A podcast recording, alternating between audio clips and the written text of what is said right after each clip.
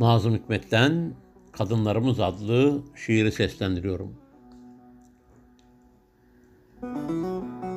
Toprak öyle bitip tükenmez.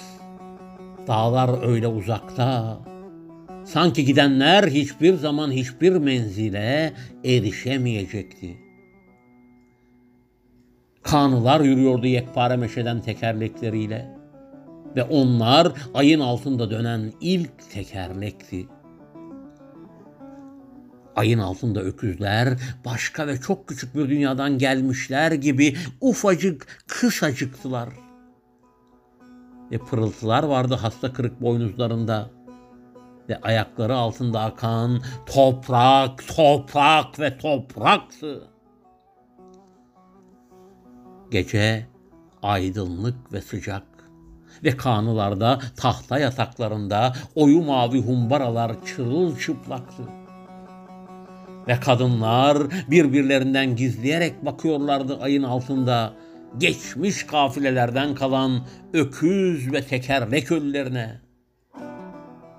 Ve kadınlar bizim kadınlarımız korkunç ve mübarek elleri ince küçük çeneleri kocaman gözleriyle anamız avradımız yarimiz ve sanki hiç yaşanmamış gibi ölen ve soframızdaki yeri öküzümüzden sonra gelen ve dağlara kaçırıp uğrunda hapis yattığımız ve ekinde, tütünde, odunda, pazardaki ve kara sabana koşulan ve ağıllarda ışıltısında yere saplı bıçakların oynak ağır kalçaları ve zilleriyle bizim olan kadınlar, bizim kadınlarımız.''